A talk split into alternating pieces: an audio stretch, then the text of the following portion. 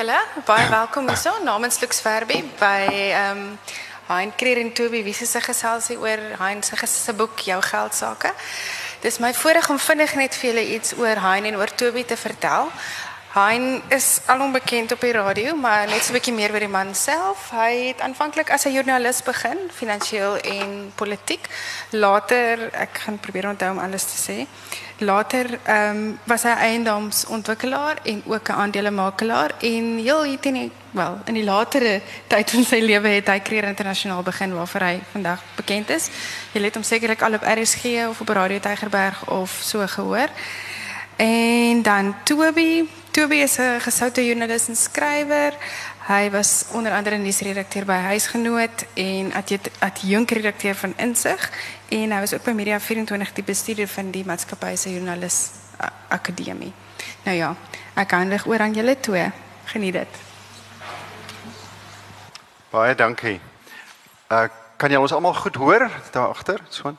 Werk die mikrofone goed. Baie dankie. Dit is vir my ook uh, baie lekker en en aangenaam om hier te wees. Uh die die woordfeesprogram word lank voor die tyd die boekie gedruk en dit het uh, vertel dat Stefan Joubert hierdie uh onderhoud sou voer. Ek weet nie of dit nou vir jou goeie of slegte nuus is dat uh, ek hier in sy plek is nie. Maar uh vir die wat gekom het spesiaal vir Stefan Joubert, uh ek is jammer vir julle, maar julle kan hom op e-kerk kry en elders. So uh ons het uh, dit het nie so uitgewerk nie. Goed, ek wil sommer uh, dadelik met die met die deur in die huis val en vir ehm um, Hein vra ehm um, Hein ons het 'n kort inleiding gehoor oor jou loopbaan maar miskien 'n bietjie iets meer oor oor jouself en wat jou geskik gemaak het om die boek te skryf. ek dink jy is geskik geweest om die boek te skryf nie. Ehm um, die uh, baie dankie dankie Toby Toby en ek is kollegas van toe ons bietjie minder meer hare gehad het en definitief nie grys was nie. En nog by die burger destyds. Ehm um, Toby ek dink eerlikwaar nie ek's geskik nie. Ek ek ehm um, maar die Here loop met my 'n pad eh, wat my ehm um, my verbuister eintlik. En en hy laat my dinge doen wat ek nooit sou kon gedink het ek sal kan doen nie. En en om 'n een eenvoudige voorbeeld te gebruik, uh ek was nooit 'n sportman op skool gewees nie. My ma het altyd gesê ons ons uh uh my my ma se familie was van Rooyen, sy het gesê die van Rooyen se te kort bene om te kan hardloop. Maar uh, toe ek 40 geword het, het ek skielik begin Comrades hardloop en ek het uh, hier by die 21 Comrades gedraai totdat uh Lux Verbi my uh, ingekort het en hierdie boek laat skryf het en uh, ek letterlik in die oggende wanneer ek gaan hardloop het uh, opgehou het. Maar die die Comrades is 'n interessante ding en dit is dat uh dit is die die die uh die uh helde van die Comrades is nie atlete nie. Die meerderheid mense wat die Comrades hardloop is nie atlete nie, dis doodgewone mense. Maar dis onmoontlik. Jy hardloop 90 km uh van Durban af na ek Pieter in Maritzburg toe 1 jaar en die volgende jaar terug. En dit is werklik onmoontlik om dit te kan doen. As jy daaraan dink, gaan hardloop 90 km. Maar uh, ek dink ek kan vir elke ou in hierdie gehoor leer hoe om die kamer te hardloop. En dit leer jy om ene, om om om die onmoontlike reg te kry en dis iets wat die Here my geleer het en, en toe het ek die geleentheid gehad Pearson's Education het my uh, op 'n stadium kort nadat ek op uh, RSG begin praat het oor geld sake ehm uh, het hulle my gevra om vir hulle 'n boek te skryf oor begroting. Uh, en uh, en uit die aard van saak is ek 'n koerantman gewees, so ek weet om te skryf. En ehm um, maar is anders om 'n boek te skryf soos jy self weet, as om 'n storie te skryf vir die koerant. En ehm um, en dit was 'n lekker ervaring gewees vir my. En en en dit was iets wat 'n passie is by my om want ek het 33 jaar gelede as parlementêre verslaggewer begin leer hoe om begrotings te uh, ontleed. Ehm um, en ek dink tot vandag toe nog uh, daarom is is begroting is altyd in al die boeke wat ek geskryf het tot dusver 'n uh, vorm 'n persoonlike begroting vorm die hoeksteen van geld sake. En ehm uh, en omdat ek 'n passie ontwikkel het daaroor in die boek hierdie boek skop ook weg of skop af uh, met die hoofstuk oor my persoonlike ervaring. Met ander woorde, uh eendag het 'n vrou op die radio uh, inge, ingebel en vir Johan Els gesê hy kreer is 'n arrogante ryk man wat vir ons arme mense probeer vertel hoe om met geld te werk. Ehm um, en wat weet hy nou van swaar kry? En dit was ek jy, jy weet mos self as jy 'n koerantman was ja, jy jy het nie geld nie en jy gaan swaar kry. So uh dit is nie sommer net asof dit in my skoot geval het nie. Ek het dit op 'n moeilike manier geleer en dit is hoekom ek dink dat ek kan dit vir die gewone mens oordra oor hoe om met geld te werk want dit is my dit was my pad. Ja.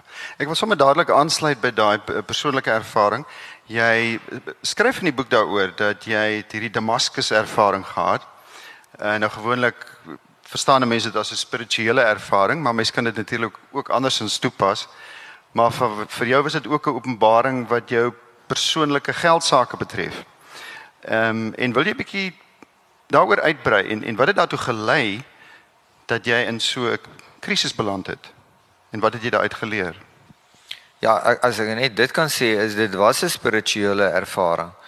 En en ek dink dit is ook hoekom hierdie boek vir my uh die tema wat Lux Werby uh aan my voorgelê het was vir my so aantreklik geweest en en was eintlik 'n droom geweest dat ek eendag 'n boek kan skryf en die geldsaake by die uh, by die uh, uh by die uh uh by die Bybel kan uitbring en en om en om uh te wys dat ek het ek het 'n kleintjie dood aan aan uh aan welvaart teologie. Ehm um, en as ek net as ek net hierso uh, Romeine 11 vers 36 net kan uitlig want ek dink dit is vir my nogal amper 'n bietjie 'n wegspringplek. Ehm um, Ekskuus maar ek ken dit nie uit my kop uit nie. Maar weet ek ek gebruik altyd die die laaste vers 11 vers 36 uit hom en deur hom en tot hom is alle dinge aan hom behoort die heerlikheid tot in ewigheid. Maar alle dinge beteken alle dinge, alles. Ook jou geld. Maar die die die vers net voor dit sê wie bewys hom 'n guns sodat hy verplig is uh om iets terug te doen. En dit is my argument oor 'n uh, welvaartsteologie. Jy kan nie gaan God omkoop met 10% van dit wat hy vir jou gegee het nie. Ek bedoel dit werk net nie so nie. En so hoekom hoekom waar lê die verband hier? En ehm um, en hoekom het ek hoekom het ek in 'n finansiële krisis beland? Omdat ek bloot gedoen het dit wat alle of wat meeste mense op aarde doen.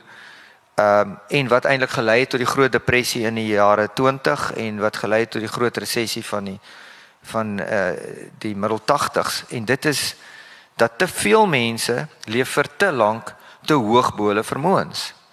En ek dink dit is tot 'n groot mate van ons spesifieke geslag. Uh ons ouens wat uh baby boomers is, um wat uh dit het net begin goed gaan in die wêreld. En dan het inflasie ook nog bygekom en jou 'n valse ge gevoel gegee van dat uh die waardes van alles styg. Nou hoe kan 'n brood se waarde styg? Maar mense dink hulle woonhuise se waarde styg omdat inflasie dit al hoe duurder maak. En dit is daai tipe van ding wat jy dan insuig en uh en uh en tot vandag toe nog bied finansiële instellings skuld aan soos wat hulle 'n dwelm soos wat dwelms uh smouse dwelms verkoop op straat. En dit het letterlik dieselfde effek op mense. Uh die skuld is seker die grootste dwelm van die van die 20ste eeu. Dit verslaaf mense en vandag is die hele wêreld nog steeds in 'n gemors uh sedert 1978 2007 wat die resessie um ons begin inkort het want te veel mense leef te hoog vir te lank bo hulle vermoëns. Dit was my siekte ook geweest. Dit het my gevang. En uh met baie dieselfde tipe van goed dit dit haal jou in. En wat ek net letterlik eendag op my knieë gegaan het en gesê Here nou is ek nou is ek in die moeilikheid. En die Here het vir my gesê maar weet jy ek het 'n pad met jou gestap. Ehm um, jy daar in die parlement 20 jaar tevore het jy uh het het ek jou begin leer hoe om anders te kyk na die staatsbegroting en vir jou begin leer oor geld en en die res is geskiedenis en en dit is soos dit in die, ek in die boek na verwys het dat ek uh, uiteindelik as 'n politieke verslaggewer begin het 'n finansiële verslaggewer geword het. Ekskuus tog maar in in uh, in ehm um, uh, in die burger daar het hulle vir ons gesê ons is verslaggewers, ons is nie joernaliste nie. Net uh net die ouens daarbo was die die joernaliste geweest. So ons bly maar verslaggewers. Ehm um, ons wil weer 'n bietjie terugkom uh, na na daai punt toe want uh, ek vermoed miskien is dit onkunde dit is tog seker uh, dit is 'n bietjie meer ingewikkeld as om net binne mense vermoë te leef. Dalk. Maar ek maar ek dink ons kom 'n bietjie later terug soontoe. ek wil net eers hierdie uh, net die volgende vraag wat wat by die vorige een aansluit. Uh wil ek net uh noem. En dit is dat die die die die lokteks op, op die agterkant van die boek praat van en verwys daarna dat hierdie boeke mense help om jou geld sake reg te ruk en hoe om die slawe juk van skuld af te gooi ensovoorts. So so dis nie reëls lees 'n mens dis dat uh die meeste mense met ander woorde nie 'n goeie beheer oor hulle geld sake het nie. Uh dit is die veronderstelling van die boek lê ek af. Uh is dit ook jou ervaring? Definitief en ek het eintlik 'n interessante verhaaltjie ehm um, jy weet ek het ehm um, ehm um, mense van 'n uh, gemeente waarin ek was uh, twee jong mense was 36 jaar oud was en dit is so 3 4 jaar gelede het dit gebeur het hulle my kom sien en uh vir my en hulle het al twee meestersgrade in uh, in rekeningkunde hulle is al twee gekwalifiseerde CA's geoktroeëerde rekenmeesters en ook werklik by by van die grootste ehm um, firmas in die land. Ehm um, en en die en die uh, ouetjie is 'n uh, is die voorsitter van die spesifieke gemeente se uh, finansies komitee. En hulle kom sien my toe en hulle sê hulle wil net hê ek moet hulle so 'n bietjie 'n paar riglyne gee, maar uit die aard van die saak uh, bes, moet ek besef, jy weet, hulle wat hulle agtergrond is ehm um, en dat hulle eintlik weet wat om te doen maar hulle sal my dalk my ek moet hulle net so 'n bietjie met die fine tuning help. Om 'n lang storie kort te maak, nadat ek ontleding van hulle balansstaat gedoen het, uh hulle hulle was beide 36 jaar oud op die stadium toe my kom sien het hulle drie kinders gehad waarvan die oudste nog nie in die skool was nie. Um toe is hulle netto batewaarde. As ek die waarde van hulle woonhuis uithaal, maar die skuld binne in die die balansstaat laat, uh was minus 500 000 rand geweest minus 'n half miljoen rand. Ehm um, en uh, nadat hulle al hulle skuld betaal het uh op hulle veral op op op 'n uh, paar eiendomme wat hulle gehad het, dan het dit beteken dat hulle omtrent 15000 rand uh 'n maand huis toe gebring het en hulle het ek dink gesamentlik iets so oor die 60000 rand 'n maand huis toe gebring. Wat vir jou sê as as mense soos daardie in in die skuld is en dan dan wat van die gewone ou wat van die ou uh wat 'n koerantman is wat BA geswat het wat nie dit eers op universiteit geleer het nie. Hoe dan het hy mos daarom 'n verskoning om in die moeilikheid te wees. Maar dit is 'n lewenswyse uh waarin die wêreld vasgevang het 'n groef waarin ons geval het wat dit veroorsaak. Goed. Ek wil net hier sê, u kan dalk vermoed omdat ons nou oud kollegas is dat ek net uh, vriendelike vrae gaan vra.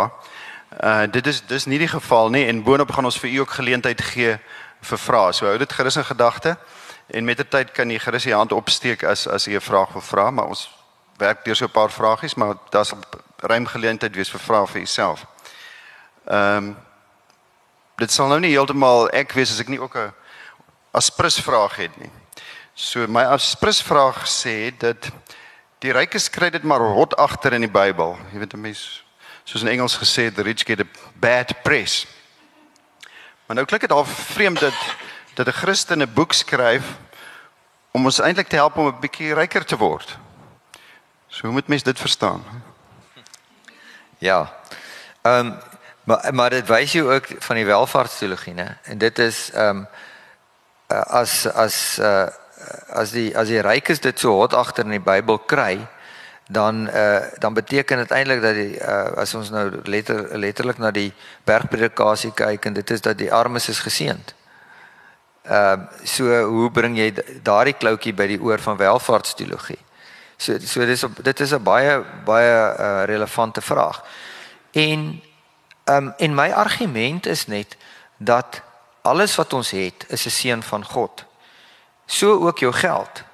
Maar daarom het jy 'n verantwoordelikheid, 'n verantwoordelikheid teenoor God van wie dit kom en 'n verantwoordelikheid teenoor diegene wat dit nie het nie.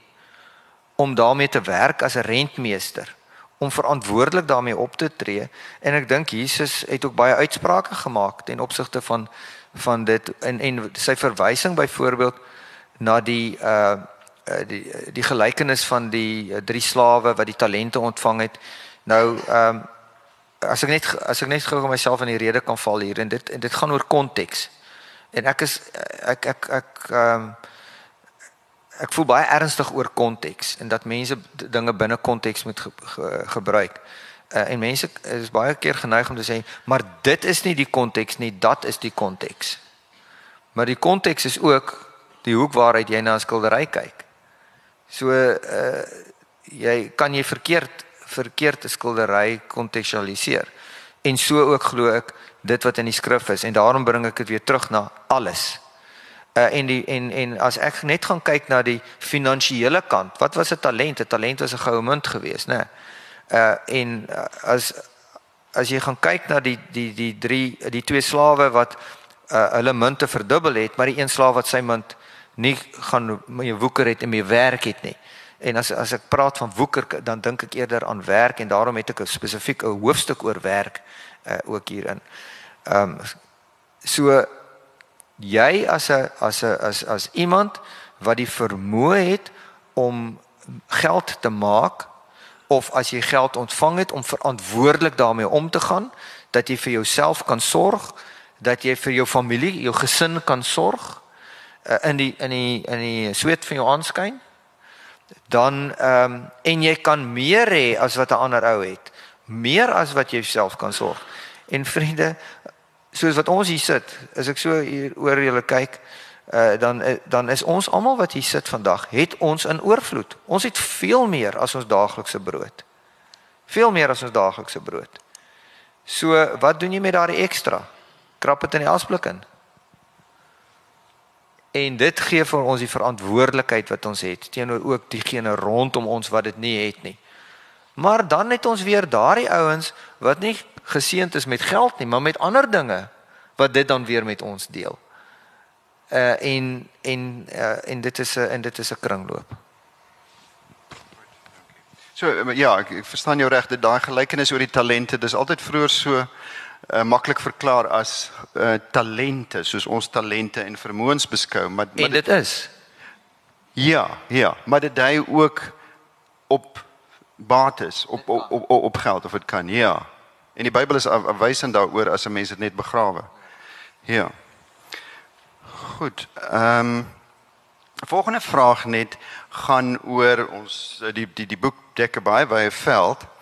Uh so ek beweeg aan na 'n volgende aspek toe en dit is dat jy tog maar Susan my nie ingekort het nie, het hy nog 'n weierveld gedek. ja, is nog 'n boek. Ehm uh, jy wys in die boek op die op die sekere gevare in die finansiële adviesbedryf. Jy weet so dat soos dit byvoorbeeld dat daar 'n versoeking vir finansiële adviseurs is. En ons weet almal dat vir alles 'n mens aftree of andersins sal almal vir jou sê, maar jy kan nie die finansiële wêreld is vandag baie ingewikkeld. Jy kan eintlik nie sonder 'n finansiële adviseur wees nie. So ons wend ons tot adviseurs, ek dink is baie normaal. Uh maar daar is 'n groot versoeking vir adviseurs om nie noodwendig na jou spesifieke behoeftes om te sien nie, maar om moontlik aan jou produkte verkoop wat vir hom of haar voordelig is. Dit dit is 'n gevaar soos wat jy dit ook uitwys. So hoe, hoe kan 'n mens voorkom dat dat dat 'n mens 'n slagoffer word van daai van so 'n produkgedrewe oplossing vir wat jou situasie is? Ek dink eerstens deur kennis. Ehm um, as jy iets het het jy 'n verantwoordelikheid om kennis in te win hoe om daarmee te werk. Jy kan nie dit net oordra ehm um, na na 'n kundige toe en dan en dan nie verantwoordelikheid neem nie. Die verantwoordelikheid lê nog by jou want as God jou seën met iets, dan gee hy jou ook die verantwoordelikheid daarvoor. Maar dit beteken nie dat jy al die kundigheid en kennis het hoe om dit te doen nie. Maar dit gee weer eens vir die verantwoordelikheid om soveel as moontlik kennis en kundigheid in te win om daarmee te kan werk en om ook seker te maak dat die kundiges wat die Here tot jou beskikking stel uh dit reg doen want uit die aard van die saak weet ons mos nou daar's baie valse profete. So jy moet weet hoe om uh die valse profeet te kan uh, uh op optel en uit die aard van die saak is die is die uh kundige sonder om sy verantwoordelikheid weg te neem wat die Here weer aan hom gee saam met sy talente uh sy kundigheid uh het hy 'n verantwoordelikheid maar dit is nie sy primêre verantwoordelikheid jou geld nie want dit is jou primêre verantwoordelikheid dis sy sekondêre verantwoordelikheid vanuit jou hoek gesien of vanuit jou konteks maar dit is sy primêre verantwoordelikheid vanuit sy konteks maar ons is mense en en en as dokters kan opslip en prokureurs kan opslip, dan kan finansiële adviseurs ook opslip. En uh en en in perslot van sake uh is ons nou maar net mense en ons dink uh ons struikel daaroor om eers aan onsself te dink en dan aan die ander ou. So as twee ouens teen die berg opstap uh en en jy en die ou langs jou struikel gelyktydig, gaan jy eers vir hom help dat hy nie val nie of gaan jy eers keer dat jy nie val nie. So dit gebeur. En uh maar dan is die finansiële ehm uh, ehm um, bedryf in die wêreld is ook maar skuldig daaraan. En dit is hulle skep produkte en hulle lei mense op om die produkte te verkoop En uh en ons weet mos nou uh, die van ons wat nou 'n bietjie ouer as ander hier is dat dat aanvanklik was uh, was daar nie so iets soos 'n finansiële adviseur nie. Dit was 'n agent gewees wat vir Sanlam of vir Mutual of of vir die bank gewerk het. Nie waar nie. En die agent het iets aan jou verkoop. Maar later jare het agente het adviseurs geword. En jy is net geneig om baie eerder na 'n adviseur te luister as jy na 'n agent luister. Maar ek moet jou dit sê, mense wat huise verkoop en mense wat karre verkoop word nie adviseurs genoem nie. En dit is baie moeilik vir mense om agter te kom wanneer is iemand 'n adviseur met die werklike kundigheid om vir jou raad te gee en wanneer is dit 'n agent? Want die finansiële wêreld vergoed mense vir wanneer hulle advies gee deur aan hulle 'n verkoops of 'n transaksiekommissie te gee. So die die vergoedingsmodel is totaal en al verkeerd. En jy weet dwars deur die wêreld het ons nou in die afgelope 10 jaar geweldige hervormings gehad om die uh finansiële adviesbedryf aan te spreek. Maar hulle ek dink hulle het nagelaat en hulle het tot dusver dit nog nie eers behoorlik gedoen nie om verkoops of transaksie gedrewe kommissies moes hulle eerder aanspreek. Want as 'n ou vir jou raad gee, behoort hy nie uh betaal te word omdat hy iets aan jou verkoop het nie. En uh en en dit is vir my 'n bietjie van 'n kontroversiële ding, maar dit is waarvoor jy moet wakker slaap.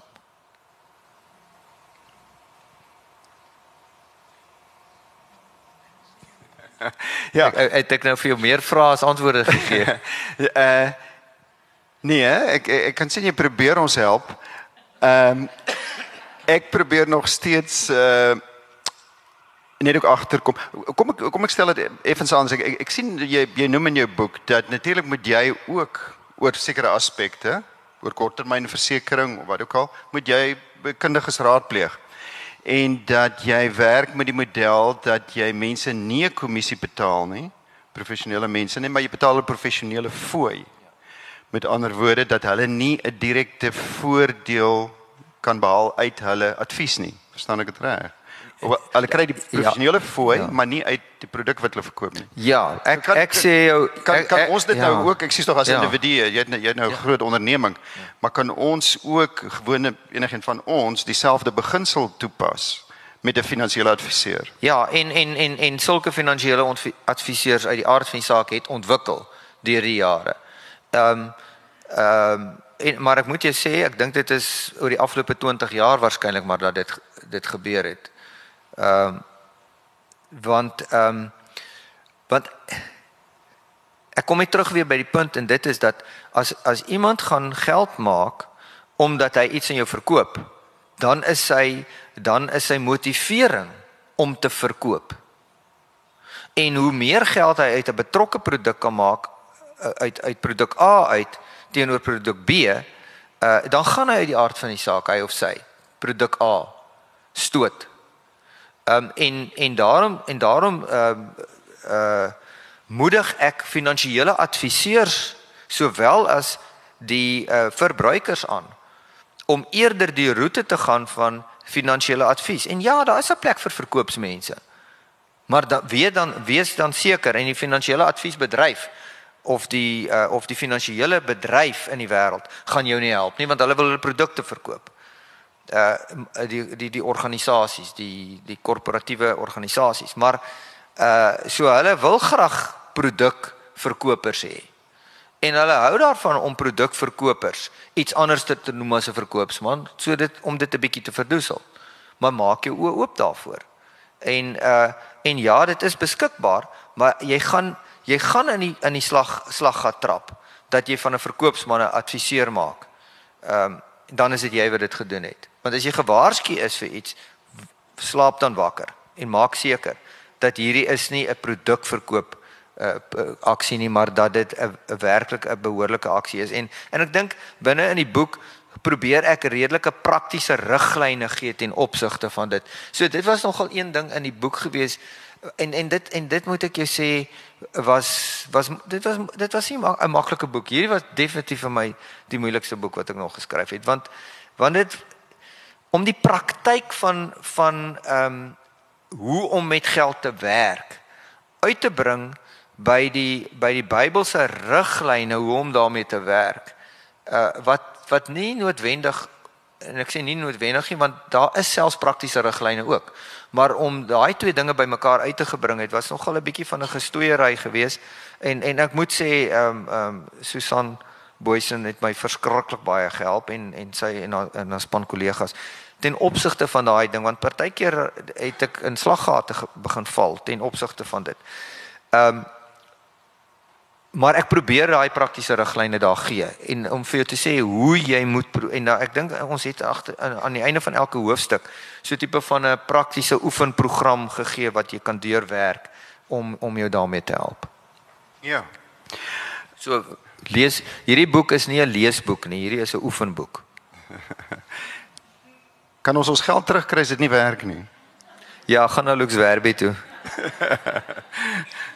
Jy sou uh, miskien gesien het dat uh, as jy al na die boek gekyk het dat ehm um, ek moet dit nou ek is nie sy agent nie glad nie.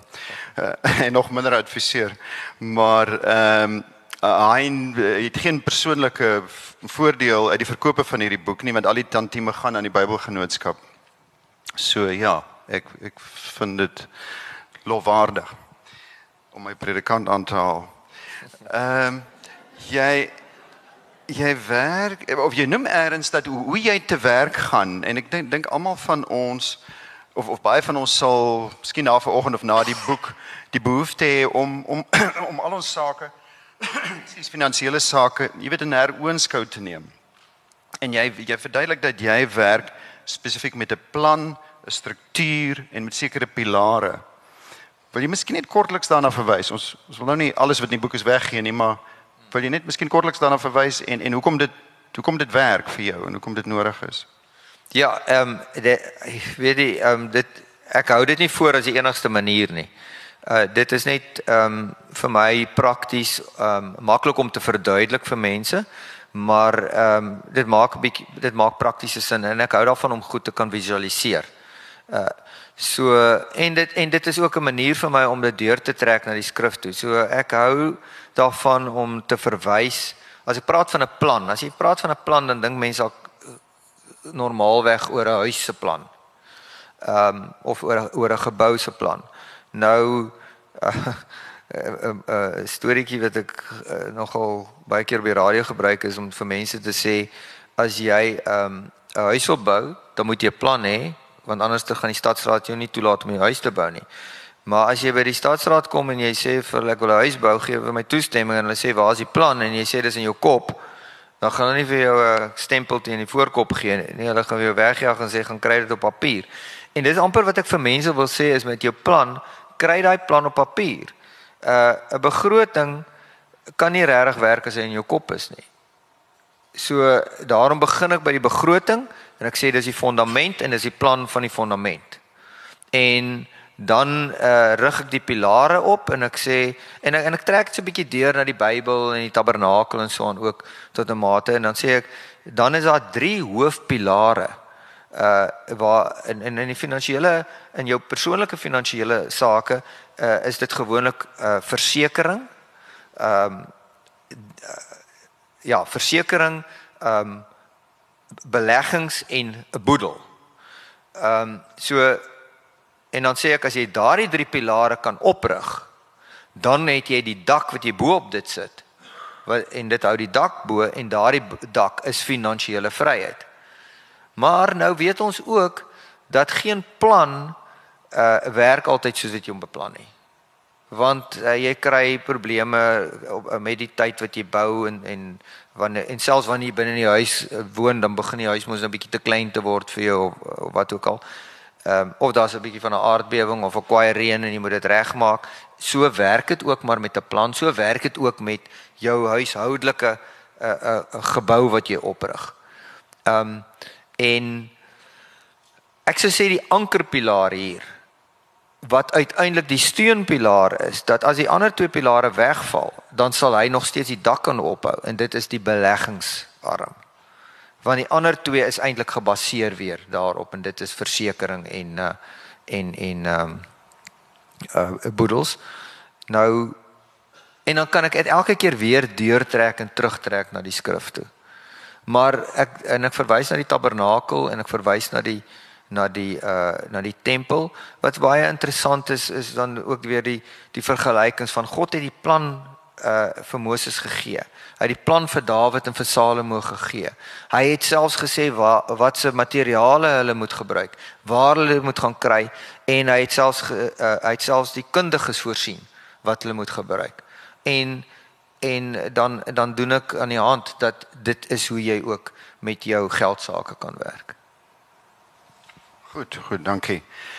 Uh jy skryf eers van uh, maak jy die stelling en dis ek dink 'n belangrike stelling in die boek. Die geheim van welvaart is om binne jou vermoë te leef. Nou is dit regtig so maklik? Ja. Ja, dit is so maklik. Dit is so maklik. Ehm um, maar dit is ook so moeilik. Uh want dit is nie so maklik om binne jou vermoë te leef nie. En en interessant om nou net weer terug te kom na die vrou toe wat gesê het daai kreer is 'n arrogante ryk man.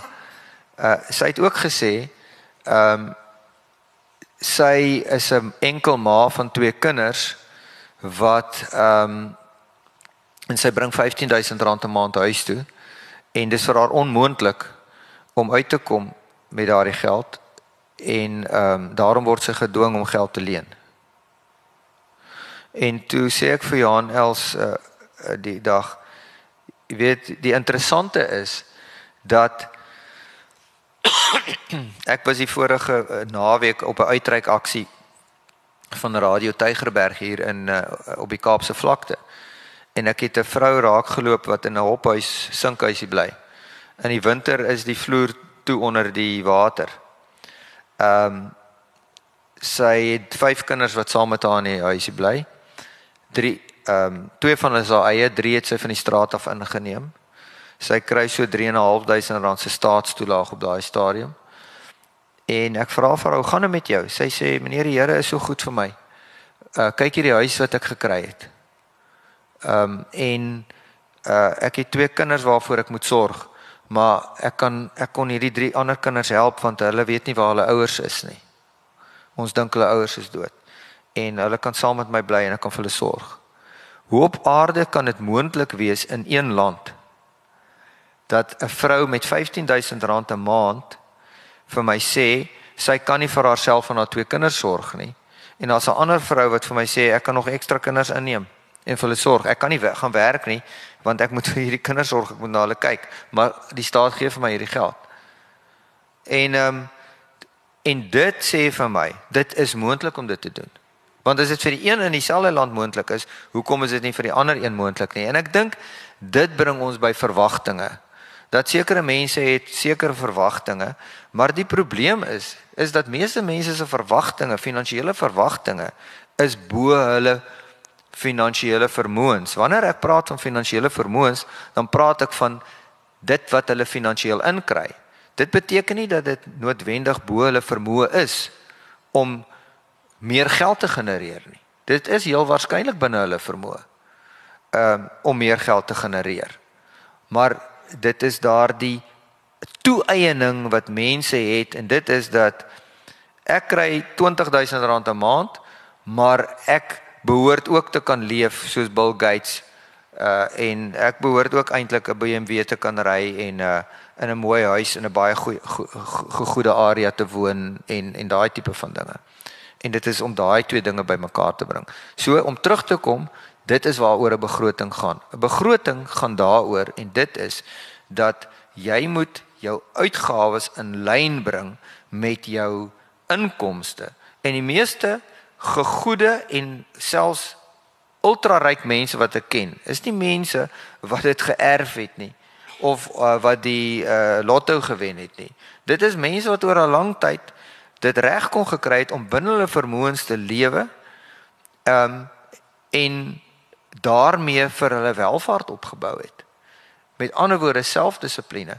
En net soos wat dit is om fiks te word. Jy kan nie jy kan nie vir 3 uh, of 3 uh, maande of 6 maande gaan oefen en nou gaan jy vir die res van jou lewe fiks bly nie.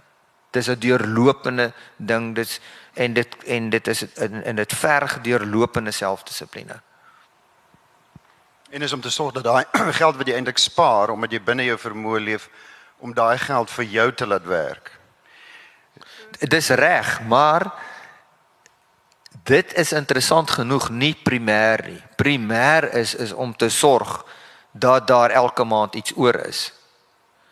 Sekondêr is dat jy dit op die regte plek sit of veilig bewaar. En dan uh daarna om dit op die regte plek te sit dat dit kan vir jou begin werk en ek neem jou dan deur die stappe van dit ook binne in die in die boek. Ja. Uh dames en here, in hierdie stadium enige vrae van die van die vloer? Ekskuus tog. Is baie welkom.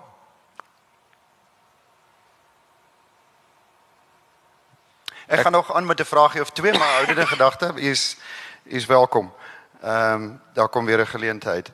Ehm um, ek neem jy ek dink jy noem dit ook in die in in die boek en as ek so vinnig kyk dan lyk dit vir my hier moet 'n goeie persentasie mense te wees wat indien jy reeds afgetree het nie daar al en daaraan al daaraan begin dink of al daarteen gewaarsku is. So nou is die vraag, hoeveel geld moet 'n mens hê om te kan aftree? Genoeg. Hoeveel is genoeg? Vir jou is genoeg minder of meer as wat genoeg vir my is. En dan kom dit weer uit by daardie ding en dit is ehm um, genoeg is nooit genoeg nie. Maar as dit genoeg kan wees, as 3.500 rand genoeg kan wees vir iemand om in Suid-Afrika 5 twee kinders van hulle eie te hê en nog 3 van die straat af te neem en gelukkig te wees en te glimlag en te sê die Here is vir my goed. Uh dan beteken dit dat daardie vrou het die vermoë gekry om uit te kan kom met dit wat sy het. En en jy moet sorg dat jy uitkom met dit wat jy het. Nou as jy as jy in jou lewe gewoond was om ehm um, vorentoe te beweeg oor 'n 40 jaar periode ehm um, en altyd meer uit te gee as wat jy ingekry het. En die bank het jou aan die gang gehou en jou werk het jou aan die gang gehou want jou salaris kon elke keer daarom net keer dat die baljoen nie aan jou deur kan kom kom klop nie. Ehm um, dan kan ek vir jou verseker dat daar nooit genoeg sal wees vir jou om op af te tree nie want jy kan nie binne jou vermoë lewe nie. En jou en wanneer ek praat hier van vermoë, dan praat ek van die finansie die finansies tot jou tot jou beskikking.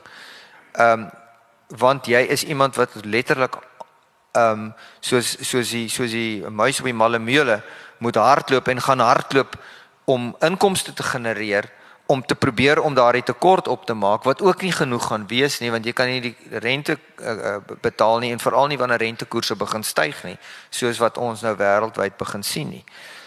Ehm um, en dit en dit is 'n groot dilemma. Veral as ek as ek as ek uh, sê dat die deursnee uh professionele persone in ons land uh sit letterlik in daardie groef om bo hulle vermoëns te lewe, maar hulle hulle het tot dusver die inkomste gehad om dit half toe om dit half toe te stop en ek is bevrees ek het 'n idee ons het half aan die einde van daardie era gekom. Ehm um, dat dat eh uh, dat hulle sal kan aanhou gaan aangaan daarmee want ek dink die ehm um, eh uh, die die ehm um, olie op by Malameletjie het begin opdroog. So maar as jy iemand is wat gewoond was daaraan om te meet en te pas en te kon uitkom en om en wat opgebou het daarmee, dan sal jy dit kan doen. Maar 'n goeie en ek en ek gebruik die voorbeeld in die boek. 'n goeie sommetjie om te maak is dat as jy jou woonhuis, as jy jou al jou bates neem en jy en jy neem jou woonhuis en jy neem dit nie in ag nie. Want onthou dis die dak oor jou kop uh en daai dak oor daai uh, jou kop moet sorg uh, vir 'n dak oor jou kop tot die dag wat jy jou asem uitblaas. Ehm um, so jy kan nie eintlik die bakstene gaan uitkap en begin eet nie. So jy kan nie daarvan leef nie. Uh so nou vat jy die res van jou bates en dan as dan dan maak ek 'n som waar ek sê R4000 per maand per miljoen rand van die res van jou bates moet jy definitief nie oorskry om te om op te gebruik nie want want dan gaan jy aan jou kapitaal begin vreet. En ek moet sê in in in die afgelope jaar of 2 uh, is ek geneig om selfs daardie R4000 te wil begin afskaal. Want uh, want ons is waarskynlik want want da, want daar ek oor die afgelope paar jaar 'n baie duidelike beweging begin sien in die land dat lewenskoste ehm um, van jou van jou uh middelmiddelklas, né? Nee, as ek praat van laer middelklas en hoër middelklas, kom ons sê die middelmiddelklas. Um styg heelwat vinniger as wat um as wat die amptelike inflasiekoers styg. Die amptelike inflasiekoers uh, is die verbruikersprysindeks en op die oomblik is dit so ek dink 6.5 6,6%. Nou ons het 'n uh, in in ons firma het ons um 'n ontleding gaan doen so 'n paar jaar gelede waar ons ge, waar ons uh tipiese middelklas uh families gaan gebruik het en 'n troue nasperser het ek sommer gaan kyk wat sê die burger in beeld uh, oor 'n paar studies wat hulle gegee het van uh wat wat middelklas mense gebruik ons het 'n bietjie daarna gekyk ook en en en ons het vir kliënte gevra en ek het op die radio stasies vir mense gevra om vir my um, idee te gee van hulle van hulle lewenskoste.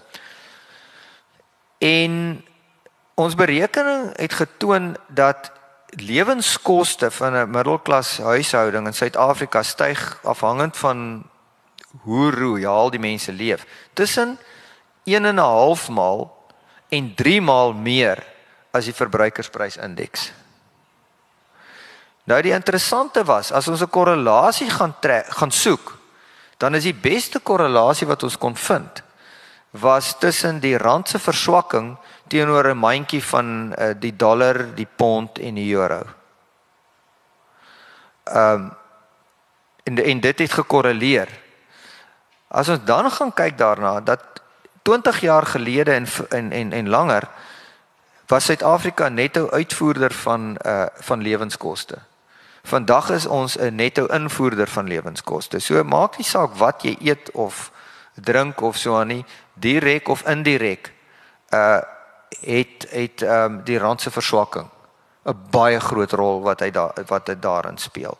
En dit en dit is weer 'n aanduiding en die probleem is dat verbruikersprysindeks word gebruik om mense te help in finansiële advies om te bereken hoeveel moet hulle bates groei om voor inflasie te bly? En nou sê ek vir jou inflasie is te min. dit is waarskynlik heel wat meer en dit en en dit gaan soos wat uh, die tendens op die oomblik in ons ekonomie is, gaan dit waarskynlik heel wat meer raak.